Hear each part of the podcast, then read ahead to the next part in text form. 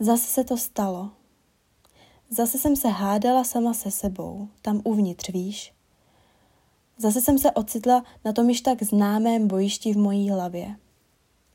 Proč se tak stalo? No protože jsem něco řekla v zápalu emocí, v podstatě bezmyšlenkovitě, naprosto povrchně, jako jakýsi dovětek. Myslela jsem to nadneseně. V tu chvíli jsem se empaticky postavila za jednu část lidí, ale za další dvě ne. A to je přeci nefér ode mě. Čím víc jsem nad tím přemýšlela, tím víc mi docházelo, jak obrovskou hloupost jsem řekla. Došlo mi, že tou pro mě zprvu naprosto nevinnou větou jsem mohla někomu ublížit. A to mě hrozně mrzí, protože to je to poslední, co bych chtěla. A to ví všichni, ti, kdo mě znají. Já i oni víme, že moje myšlenky, názory, věty a všechno moje konání vždy vychází z místa lásky a soucitu. Aspoň se domnívám, že tomu tak je. Ale jak by to mohli vědět ti, kteří mě neznají? Pochybuju o té své hlavě tak moc, že ti dnes povídám o tomhle místo o tom, co jsem měla naplánované, protože se bojím, že je to jeden velký blud. Zvláštní, že člověk dokáže vést takové vnitřní souboje sám se sebou. Zvláštní, že mu může tak moc nahánět strach jeho vlastní jinakost, kterou ve své podstatě tak moc miluje. Čím víc toho vím, tím víc si uvědomuji, kolik toho ještě nevím. Čím víc toho vím, tím míň věřím tomu, co si sama myslím. Jak to, že víc něčeho způsobuje míň něčeho jiného? No není i tohle zvláštní? Člověk tak často používá dvojí metr. Já přesně vím, co mám dělat a říkat, když se jedná o ostatní, ale jakmile přijde řada na mě, jsem úplně ztracená. Vím, jak pomoct ostatním, vím to moc dobře, ale nevím, jak pomoct sama sobě. Moje hlava je taková nějaká jiná, protože já jsem ta divná, vždycky ta divná, ta nenormální. Vždycky jsem tak trochu byla, ale mě to nevadí většinou. Vlastně jsem za to ráda většinou. A tahle moje hlava furt něco vymýšlí a furt nad něčím přemýšlí a já se bojím, tak moc se bojím, že vymyslí něco špatného, nemorálního, hloupého, ale já si toho včas nevšimnu a tenhle její výmysl vyšlu do světa mezi lidi. A ti to špatně pochopí. Já totiž nikdy nevím, jak kdo mé myšlenky pochopí, protože jen do té svojí hlavy vidím, do žádné jiné. Kdyby se tohle stalo, nebyla by to žádná novinka. Děje se to na denní bázi, že mě lidi nechápou. Já jen nechci nikomu ublížit, to je to, co mě trápí. A tak zvažuji, jestli radši nepřestat úplně mluvit. Nebo jestli se před každým svým výrokem zamýšlet nad tím, jak to kdo vlastně pochopí a svoji mluvu přizpůsobit. Ale to už by byl proces poměrně drastické sebecenzury. To už bych přeci nebyla já ve své přirozenosti, nebyla bych opravdová. Faktem je, že ať už bych se snažila sebe víc, vždycky to bude někdo, kdo mě nepochopí.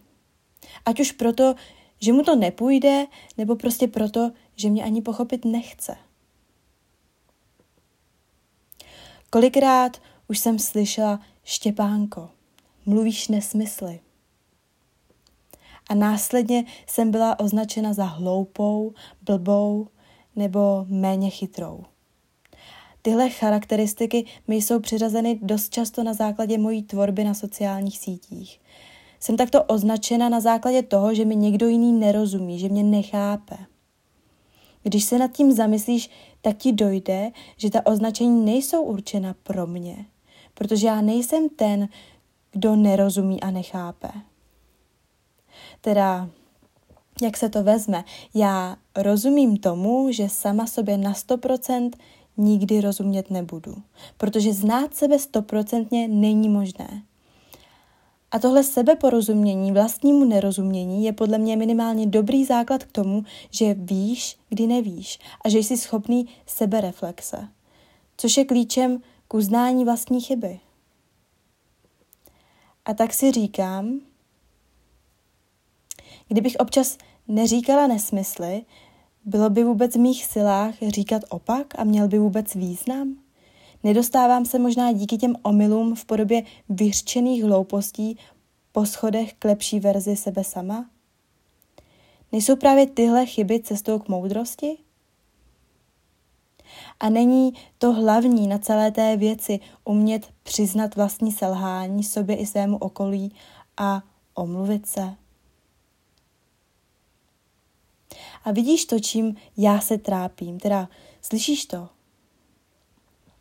A pak se s těmito svými stavy mysli svěřím ostatním v online světě, protože i tohle je kus mě. Tohle moje abnormální přemýšlení, tyhle moje myšlenkové pochody v doprovodu slz jsem já.